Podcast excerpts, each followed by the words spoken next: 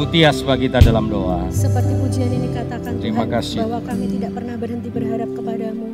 Dan saat pagi hari ini Tuhan kami akan mendengarkan sebagian dari firman-Mu.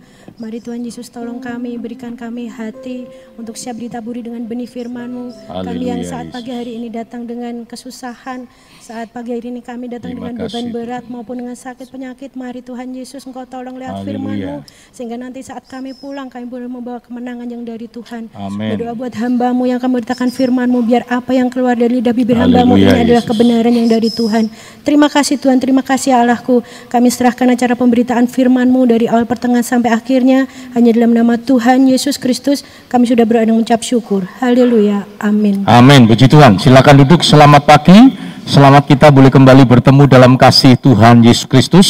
Bapak, Ibu, Saudara diberkati pada pagi yang indah ini. Amin. Allah yang kita sembah adalah Allah yang dahsyat, yang luar biasa, yang boleh menolong kita semua. Langsung saja kita akan bersama-sama menikmati firman Tuhan.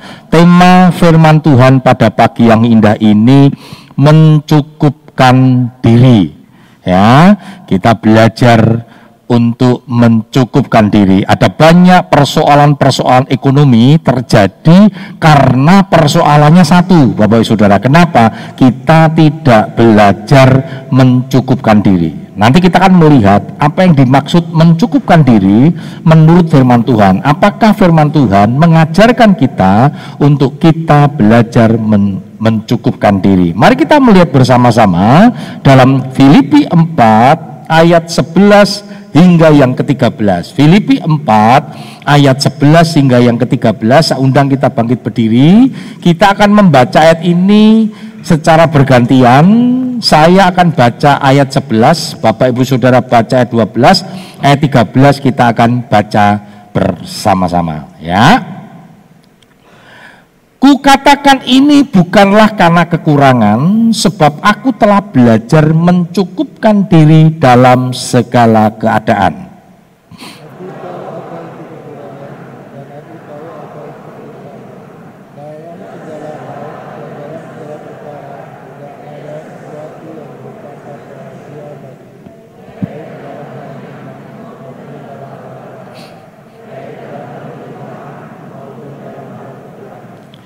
Segala perkara dapat kutanggung di dalam Dia yang memberi kekuatan kepadaku. Silakan duduk. Bapak Saudara, nanti kalau kita melihat di dalam kebenaran firman Tuhan yang namanya berkat itu sebuah kepercayaan, ya. Yang namanya berkat itu sebuah kepercayaan, ya. Nah, ini yang kita pegang terlebih dahulu.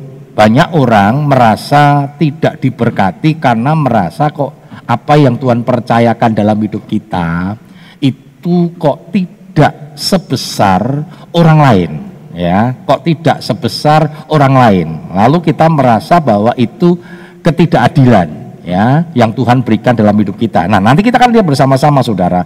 Kata mencukupkan diri ya itu memiliki pengertian di dalam bahasa aslinya itu arkeo atau auto. Auto kan pribadi Saudara ya. Jadi arkeo itu artinya cukup penuh puas.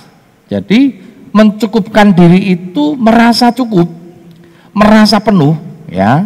Jadi merasa penuh, merasa puas. Kenapa sering kali kita merasa tidak cukup? Ya tadi, merasa kita tidak penuh gitu ya. Kita tidak merasa puas. Nah, memang kalau kita nanti melihat yang namanya kepuasan, ya, kita harus melihat secara firman Tuhan. Yang namanya manusia sering kali tidak akan pernah puas. Ya, kita berpikir waktu naik kita punya sepeda ontel Saudara, kita berpikir lihat orang naik motor tuh pikirnya gini, waduh enak ya, ternyata lebih enak numpak motor daripada numpak sepeda ontel gitu sudah ya. Tapi ketika Tuhan berkati naik sepeda motor, ternyata kok ya mengini tok sudah ya. Terus lihat orang naik mobil, mungkin rasanya lebih enak naik mobil sudah ya. Lalu Tuhan kasih mobil, mobil second gitu sudah ya, naik mobil, wah kok lihat orang punya mobil baru gitu ya, rasanya mungkin naik mobil hanya lebih enak ya daripada mobil second. Ternyata ya enggak juga saudara ya. Wah naik numpak motor mabur mungkin enak saudara ya. Nah akhirnya kita enggak pernah kita lihat saudara enggak pernah enggak pernah akan puas-puas saudara ya. Nah saudara untuk mencukupkan diri untuk mencukupkan diri yang pertama apa saudara? Kita harus belajar. Sebab keberadaan manusia sering kali tidak pernah puas. Ya, tidak pernah puas juga ada bagus saudara ya. Itu apa namanya kita pengen maju, tetapi bukan berarti terus kita ngejar e, kepuasan itu dengan apa ya, dengan ambisi ya, dengan ambisius. Nah itu yang sering kali mengakibatkan kita jatuh saudara ya, kita jatuh. Nah saudara, kita lihat dalam Filipi 4 ayat yang 11 tadi. Filipi 4 ayat yang ke-11. Kukatakan ini bukanlah karena kekurangan, sebab aku telah belajar mencukupkan diri dalam segala keadaan.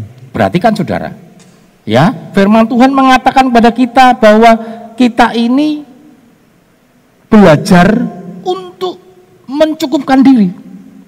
Kita harus belajar untuk mencukupkan diri. Dan Tuhan Yesus tidak pernah mengajarkan kepada kita, ya, tidak pernah mengajarkan kepada kita untuk kita hidup dalam kelimpahan ya. Berkat itu kelimpahan saudara.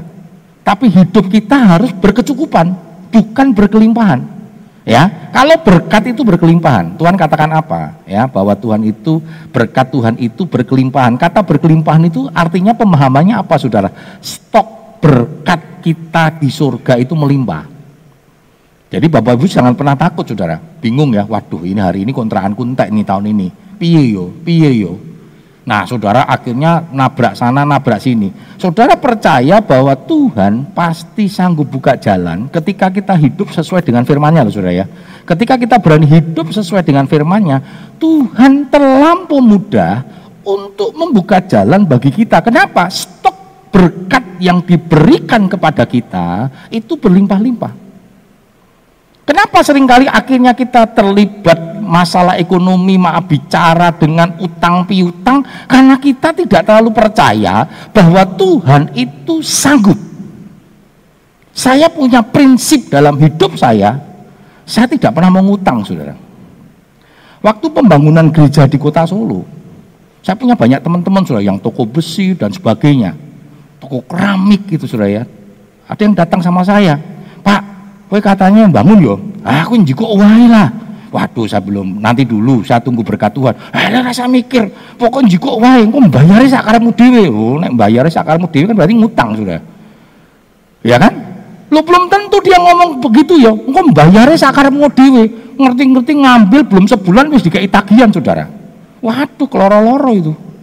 Saya pernah, Saudara.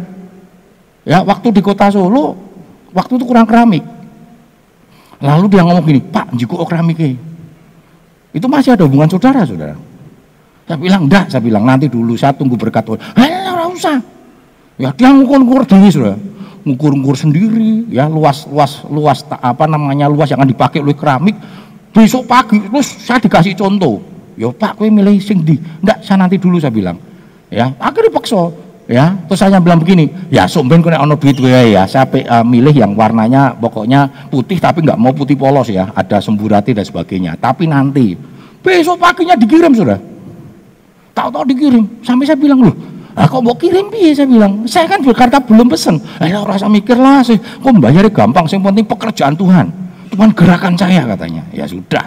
Akhirnya ngirim-ngirim dewe neng yang nganggu tanda tangan kwitansi sudah ya jadi nek percaya kan ora usah nganggo tanda tangan sebenarnya. Begitu dikirim, Pak Nggo iya ini namanya formalitas ya Pak. Tanda tangan bahwa tanda terima ya, bahwa sudah terima Saudara.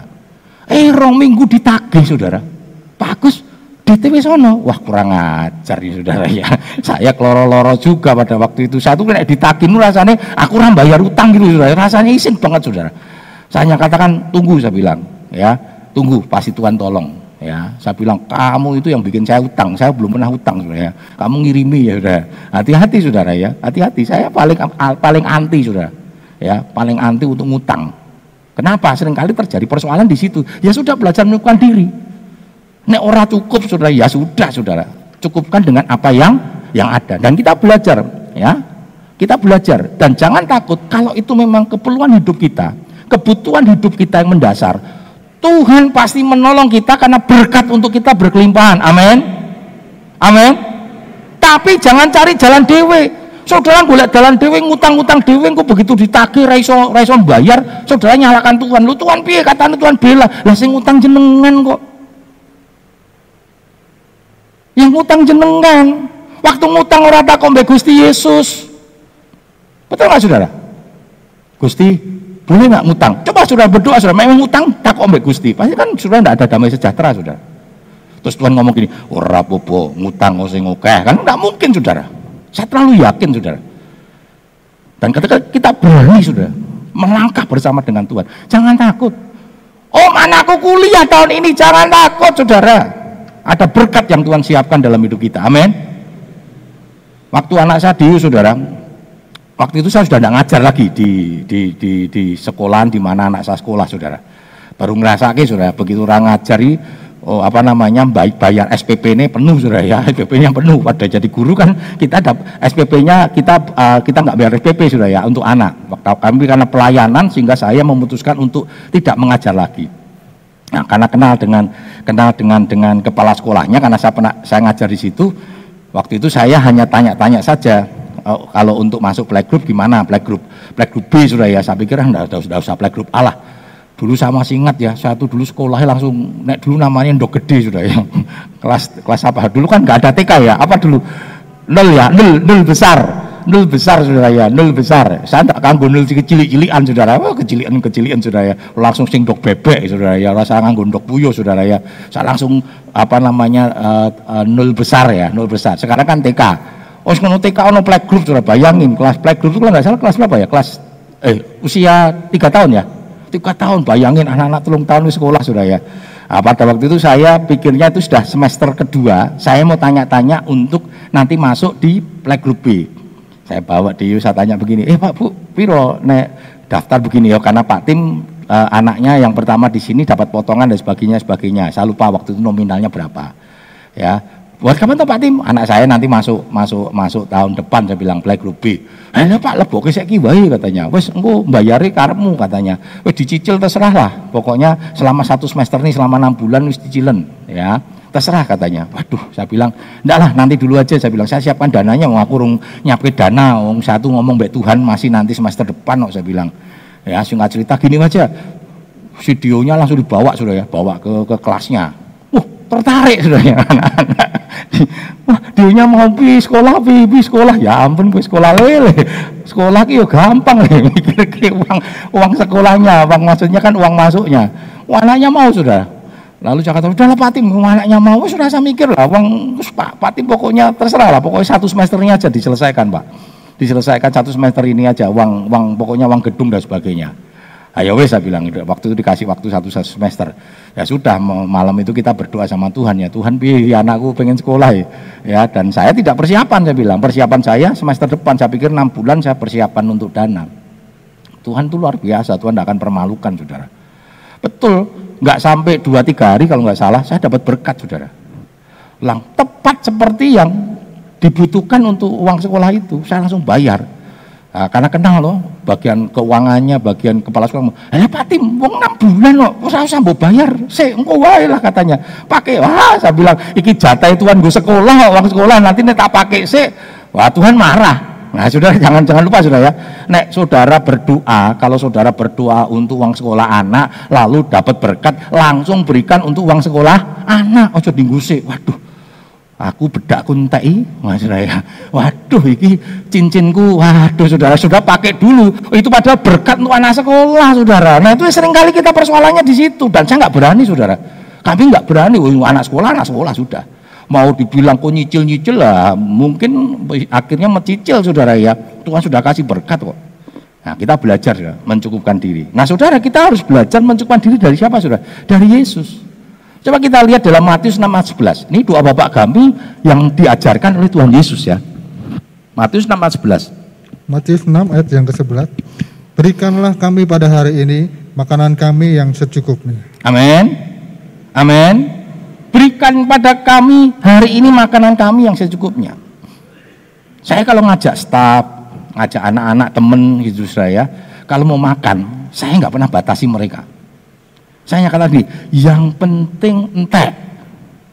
Saya tidak sangat tidak suka ketika ngambil luka, murko, ya, setelah itu nggak dihabiskan. Wah itu menjengkelkan. Saya punya teman gitu sudah. Karena tahu kalau saya makan sama saya, satu ngobrol sudah. ngambil ora dintek saya bilang begini, aku ora masalah. Kowe mangan oke apa jiku oke apa apa. Ning saya bilang. Jangan seperti ini, ini kan mubasir ya. Oh, ngambil buahnya wis enggak dihabiskan, wah saya paling jengkel. Saya dulu sama Bu Ika ya, kalau makan sudah ya, kalau makan anak-anak. Bu Ika itu biasanya ibu-ibu sih ngalah sudah ya, betul nggak? Saudara yang punya anak kecil, kalau makan kira-kira menunya disesuaikan anaknya, apa disesuaikan awake dhewe? Wah, warnanya pada lagi enam bulan ya, terus eh sego sego ceker sing pedes ya, ceker mercon meneh. Waduh, anaknya bisa ceret, Saudara.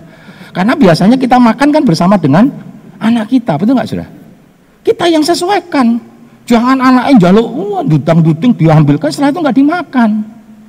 Nah, Tuhan berkata apa, Saudara? Berikan pada hari ini makanan kami yang se secukupnya. Mangan ki yo secukupnya. Ada pepatah katakan begini saudara, berhentilah makan sebelum kenyang dan makanlah setelah lapar.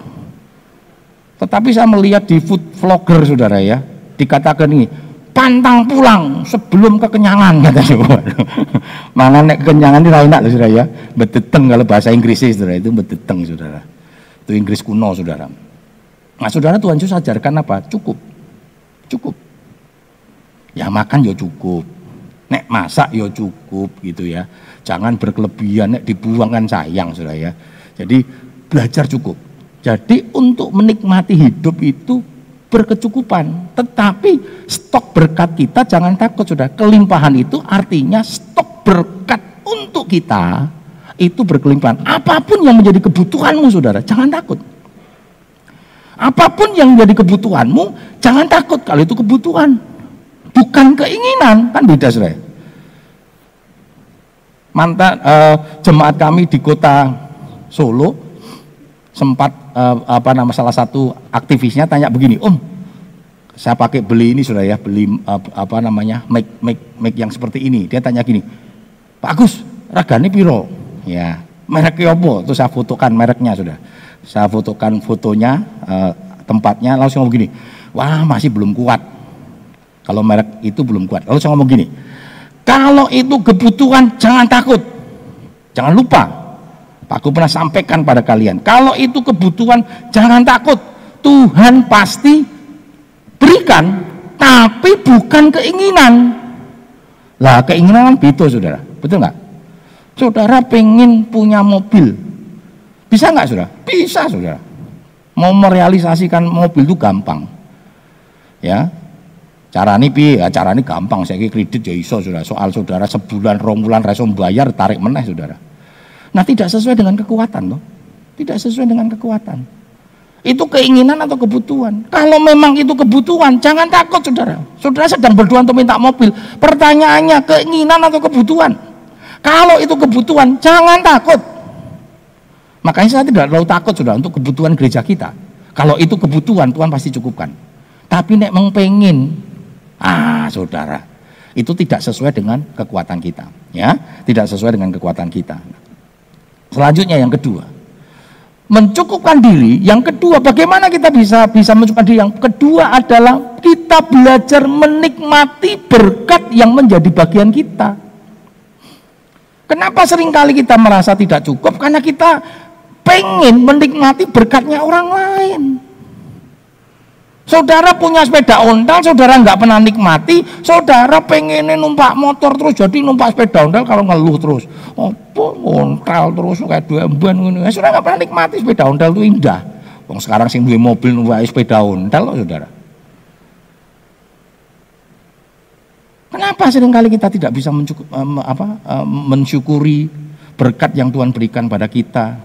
Karena saudara tidak pernah melihat bagian saudara. Saudara selalu melihat bagiannya orang lain. Coba kita lihat dalam Amsal 30 ayat 7 sampai 9. Amsal 30 ayat 7 sampai 9. Dua hal aku mohon kepadamu, jangan itu kau tolak sebelum aku mati, yakni jauhkanlah daripadaku kecurangan dan kebohongan, jangan berikan kepadaku kemiskinan atau kekayaan. Biarkanlah aku menikmati makanan yang menjadi bagianku, supaya kalau aku kenyang, aku tidak menyangkalmu dan berkata, siapa Tuhan itu? Atau Kalau aku miskin, aku mencuri dan mencemarkan nama Allahku. Ini doa yang saya senangi saudara. Jangan minta kaya. Jangan minta miskin. Tapi mintalah apa yang menjadi bagianmu dan nikmati apa menjadi bagianmu, bertanggung jawab atas bagianmu. Ini doanya Salomo, Saudara. Dan kita tahu bagaimana Tuhan mempercayakan kepada Salomo berkat yang luar biasa. Jadi kalau kita berdoa tentang berkat, katakan Tuhan, berikanlah apa yang menjadi bagianku. Bukan bagiannya orang lain. Kenapa saudara? Kalau itu bagian kita, Tuhan yang lebih tahu. Kadang kita berpikir kita lebih tahu berkat yang untuk kita. Nah, kita lihat sama-sama saudara tentang bagian ya. Mengerjakan bagiannya dengan bersyukur. Matius 25 ayat 15 sampai 16 tentang talenta. Matius 25 ayat 15 dan 16 yang seorang diberikannya lima talenta yang seorang lagi dua dan yang seorang lain lagi satu. Masing-masing menurut kesanggupannya lalu ia berangkat segera pergilah hamba yang menerima lima talenta itu ia menjalankan uang itu lalu beroleh laba lima talenta berarti kan saudara Tuhan ngerti menjadi apa yang menjadi bagian kita. Makanya kalau kita lihat saudara, perumpamaan Tuhan yang mem mempercayakan talenta kepada hamba-hambanya. Enggak sama saudara. Ada yang lima, ada yang dua, ada yang. Kalau kita berpikir secara manusiawi bahwa keadilan itu dibagi roto, kita merasa ini enggak adil. Padahal perumpamaan tentang talenta ini sedang berbicara tentang keadilan Tuhan. Ingat ya, kepercayaan. Saudara mau kepercayaan yang besar atau yang kecil? Kepercayaan sudah. Dan itu nanti kan semua dikembalikan lagi kepada tuannya. Nah kuncinya di mana saudara? Tuhan itu memberikan sesuai dengan kesanggupan. Jadi bagian-bagian yang diberikan kepada hambanya itu Tuhan yang ngerti kesanggupan hambanya. Yang lima dikasih lima, betul sanggup dua, dua, satu, satu. Saudara, nanti kalau ada kata kuncinya apa saudara? Kalau kita bisa dipercaya perkara kecil, Tuhan akan memberikan kepercayaan yang lebih besar. Pertanyaannya begini sudah, yang lima itu tidak langsung lima. Pasti mengalami proses diberikan kepercayaan dengan perkara yang ke kecil. Dalam perjalanan hidup saya sudah dalam pelayanan. Saya dulu ngerintis sekolah minggu bersama dengan teman-teman kalau saudara saya pernah saksikan ya, kalau pernah pergi ke Solo, saudara darah ngemplak itu. Dulu kalau Bapak sudah masih ingat ya, era-era saya remaja pemuda itu, kolong jembatan di bawahnya biasanya tempat apa saudara? Tempat tinggalnya pemulung betul ya. Sekarang kan nggak boleh ya. Lu kolong-kolong jembatan tuh tempat tinggalnya pemulung. Nah saya pernah ngerintis di satu uh, jembatan rel kereta api. Jadi itu jembatan bukan sungai tapi untuk lewat rel kereta api. Di situ banyak pemulung. Lalu kami dipinjemi sekolah TK Siwi Peni. Ah, saudara ada ya di Salatiga ada ya Siwi Peni saudara ya itu itu kawan saudara ya. Kebetulan yang punya orang Kristen kita dipakai kita pakai untuk melayani di sana. Dengan orang-orang yang sangat sederhana. Dengan jumlah murid sekolah minggu yang sangat tidak banyak pada waktu itu, sekitar 20-an. Tapi kita kerjakan dengan sungguh-sungguh ya. Karena anaknya pemulung sering kali kalau kita sekolah minggu ngopiak-ngopiak dulu sudah ya. Itu hari Sabtu kita adakan jam 4 sore eh jam 3 sore. Biasanya jam 2 saya sudah datang keliling bawa hanslap apa eh, anduk kecil ya. Kenapa saudara mereka dimandikan dulu saudara orang urung urung 200 saudara sering kali kumpul ke ayo kalau mereka tahu mas aku teko ngumpul di di apa sumur sudah. Sumur yang timban ini sudah ya. Dan dodok kabeh. Wis orang nganggo sabun-sabun penting ngatus sudah ya. Wis sudah. Ini sudah. Ayo wis mangkat sing wis mangkat karena mangkat mangkat. Teman saya jaga di situ. Dan ketika kita dipercayakan sungguh-sungguh, sekolah minggu itu menjadi meningkat, saudara. Sampai sekitar 100 lebih anak-anak. Ya, terus saya mencoba apa melayani di daerah nusukan namanya. Jadi saya dulu tidak di pusat. Jadi ada di pusatnya, saudara. Gereja ge, ge, apa sekolah minggu Gebis Kepunton itu di pusat. Saya nggak pernah di situ, tapi saya senang di cabang-cabang. Ada namanya nusukan, saudara. Kita rintis, ya banyak akhirnya 100 lebih saya buka lagi di Solo Baru nah dulu di, di Kepunton itu ada ada apa rumah doa ada seorang pengusaha yang buka rumah doa. Nah sekarang menjadi gereja Betani ya dulu kosong nggak pernah ada ibadah. Saya bilang sama gembala saya gimana kalau saya buka sekolah minggu? Diizinkan saudara. Sampai 200 dari kecil. Caranya gimana? Keliling saudara. Setiap ini saya keliling ke perumahan-perumahan Solo Baru ya. Apa namanya kalau ada rekomendasi Gus neng kono ini ya. Ini ada ada orang Kristen lah. Saya ketok apa door to door dan akhirnya banyak saudara sampai akhirnya oleh oleh oleh gembala saya saya dipercayakan untuk megang yang ada di pusat. Dan pada waktu itu jumlah anak sekolah minggunya 3000 anak saudara. Nah saudara saya sampaikan begini. Bukan untuk kesombongan tetapi proses untuk kepercayaan besar tidak mungkin. Bayangin sudah kalau saya tahu di, kon, dipercayakan ya sama gembala Gus kamu pegang setelah minggu ya? Waduh dengan jumlah yang 3000 wah gulung komeng saudara gulung komeng paling pusing apa ya? Natal. Mikir ke hadiah ya betul ya? Di sini aja sekitar 400an guru-guru saya lihat kayak Natal tuh waduh keringetan kabeh saudara. Mikir ke ini apa? Wah rame saudara. Oh itu 3000 dan itu harus ada kriteria. A, B, C, D. Jadi kalau yang rajin A, yang ini B, C, waduh saudara, pusing. Nah, proses kepercayaan itu tidak serta merta. Makanya saudara, nggak usah ngingini bagiannya orang lain. Ketika saudara dipercayakan oleh Tuhan bagian walaupun itu kecil, kerjakan dengan sungguh-sungguh. Pasti Tuhan kasih perkara yang besar. Ketika saya jadi pengerja, saudara, saya katakan pada gembala pada waktu itu, ada daerah cabang, daerah kerendang, saudara. Saya bilang, boleh tidak saya, saya apa namanya garap di situ? Saya garap, saudara. Dan pasti, saudara, jangan lupa, saudara, kalau engkau garap kepercayaan Tuhan, pasti itu akan berkembang. Amin. Amin. Saya garap, saudara. Gua harap nggak tanpa motivasi apa pun, ya dari cuma 10 anak remaja, saya gua harap garap sampai 100 anak remaja yang terjadi. Kalau kita dikasih kepercayaan dan kita nggak garap, saudara, saudara dikasih kepercayaan sepeda ontel, saudara nggak pernah nikmati itu, nggak pernah rawat itu, nggak pernah mensyukuri berkat itu, nggak mungkin berkembang, saudara. Apa yang menjadi bagianmu sekarang, saudara? Nggak usah lihat bagiannya orang lain. Berkat apa pun, pekerjaan apa pun yang menjadi bagianmu, nikmati itu, kerjakan dengan sungguh-sungguh, dengan tanggung jawab kepada Tuhan seperti saya katakan apa? Kerjakan itu bukan untuk manusia, tetapi untuk Tuhan. Perbuatlah itu bukan untuk manusia, itu bicara tentang pekerjaan loh sudah. Nanti kalau kita lihat kalau setiga itu bicara antara Tuhan dan hamba. dan Tuhan akan memberkati engkau. Sekali lagi, jangan lihat bagiannya orang lain. Sekarang apa yang Tuhan percayakan dalam hidupmu, kerjakan itu dengan sungguh-sungguh.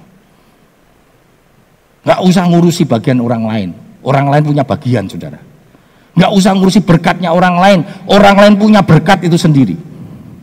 Urusilah berkatmu, nikmati itu, dan syukuri itu maka Tuhan akan tambahkan amin yang lima menjadi sepuluh seratus kali lipat yang dua menjadi empat seratus kali lipat dan ternyata sama sudah saya kita percaya yang dua tadi karena bertanggung jawab besok dikasih kepercayaan yang lebih besar. Kan itu kan kuncinya di situ.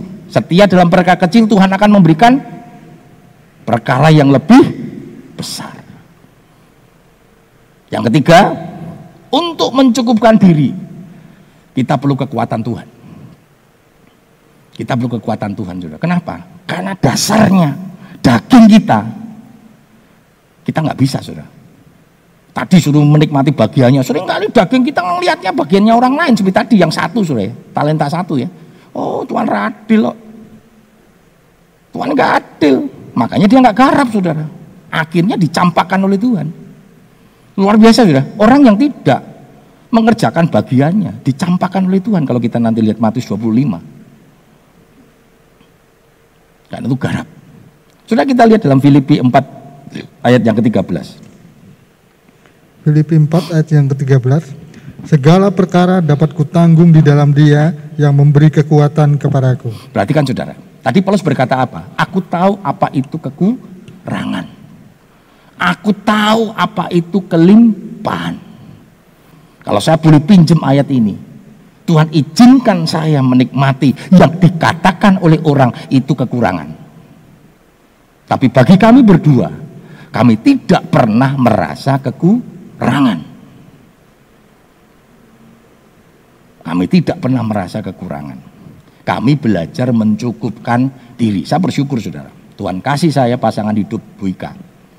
Dari Jakarta dengan gaya hidup yang seperti itu, tapi kami bersyukur. Yang nggak pernah nuntut saya, ya walaupun dalam kesaksiannya sempat di awal-awal pernikahan dia nggak pernah ngomong sama saya sudah. Ya secara manusia beban juga yo, kok tadi bojone pendeta kok koyong ini gitu sudah ya.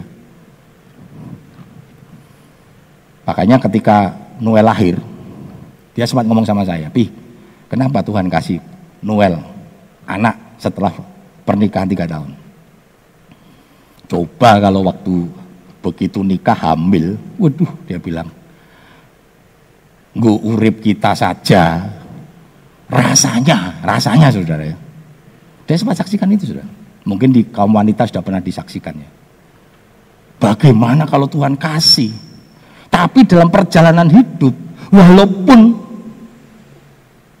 uang yang real kita punya di dompet, kalau dihitung-hitung mungkin cukup. Tapi kok Tuhan cukupkan, nggak pernah kekurangan, nggak pernah ngutang, dan apa yang menjadi keinginan kita selalu Tuhan tolong. Kalau kita mau pulang ke Jakarta, ya biasanya dulu kas liburan kita ke sana sudah pas apa kita ke sana. Kalau enggak pas ada yang kebetulan omanya sakit dan sebagainya maknya sakit harus ke sana. Dan Bu Ika ini saudara nggak bisa naik omprengan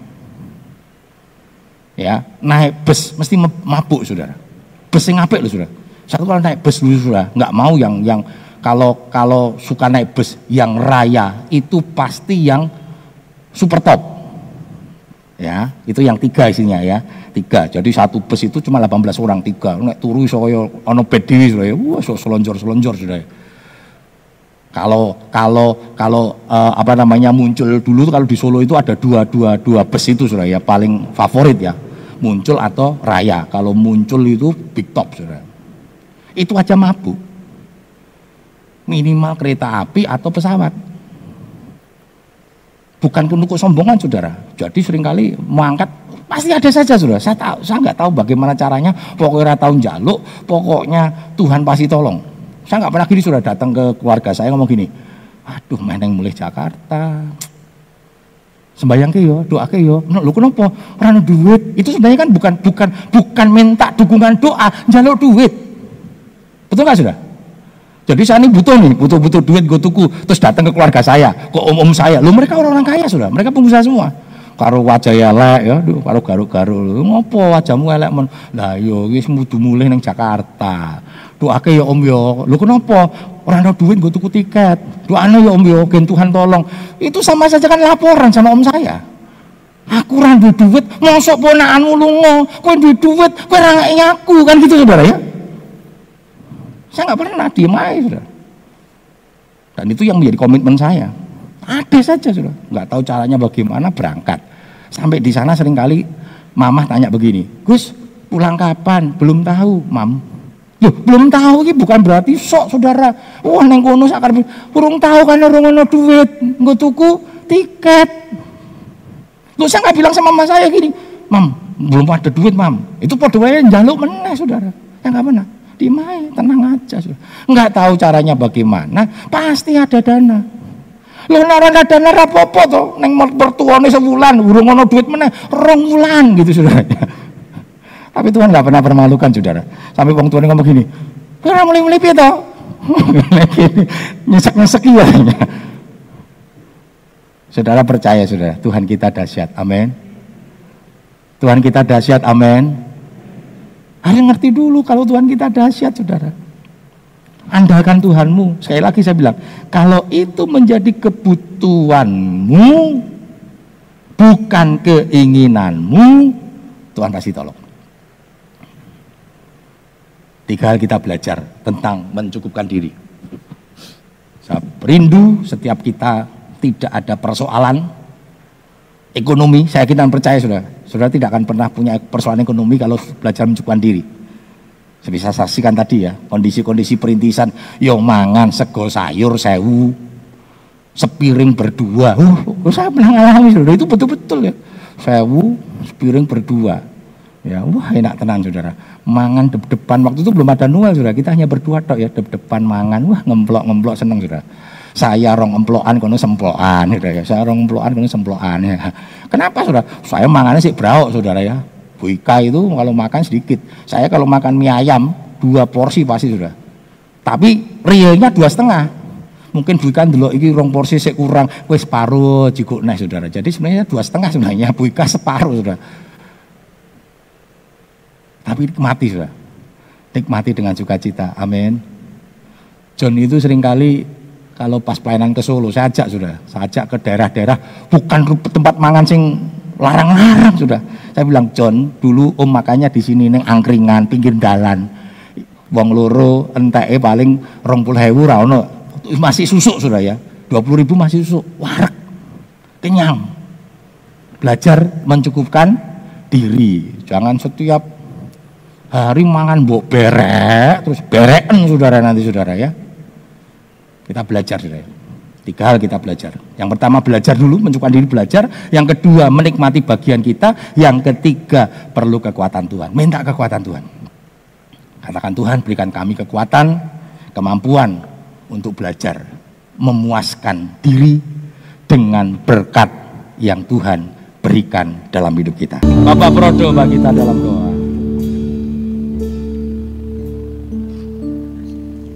Kami bersyukur kepada Tuhan saat pagi hari ini kami boleh mendengar firman-Mu Tuhan yang mengajarkan kami untuk mencukupkan diri dengan berkat yang Tuhan berikan. Kami percaya Engkau tahu yang terbaik atas hidup kami Tuhan dan kami percayakan hidup kami ke dalam tangan Tuhan.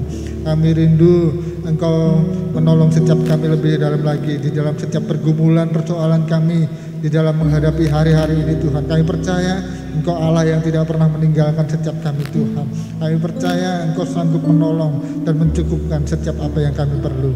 Terima kasih atas firman-Mu Tuhan. Biarlah firman-Mu terus tertanam dan bertumbuh dan berbuah-buah bagi kemuliaan nama Tuhan. Memberkati hamba-Mu yang sudah menyampaikan kebenaran firman Tuhan. Memberkati kami semua yang sudah terima kebenaran firman-Mu. Di dalam nama Tuhan Yesus Kristus kami berdoa dan bersyukur, mengucap syukur. Haleluya. Amin.